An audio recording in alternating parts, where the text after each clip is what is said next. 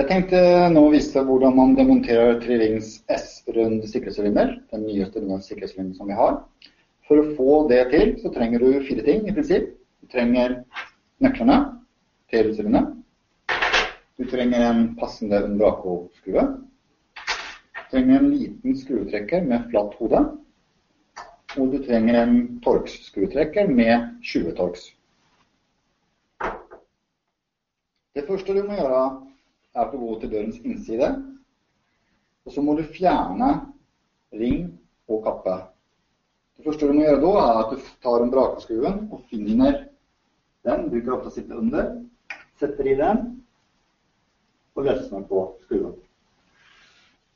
Etter å ha skrudd ut skruen, tar du bort.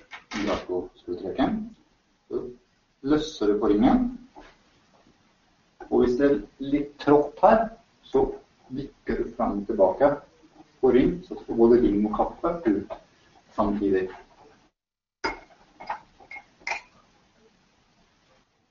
Neste trinn er å fjerne skruedekkeren.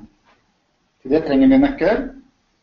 Setter inn nøkkelen og vrir den til ca. klokka to.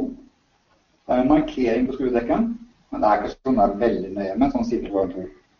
Ta den lille skruetrekken, setter inn skruen som det står lakk på, og vrir til open. Og da kommer skruedekken ut av seg selv nesten. Nå som vi fjerner skruedekken, kan vi ta bort sylinderen. Først tar vi bort nøkkelen, og deretter fjerner vi de fire skruene. Så tar vi ut den siste skruen,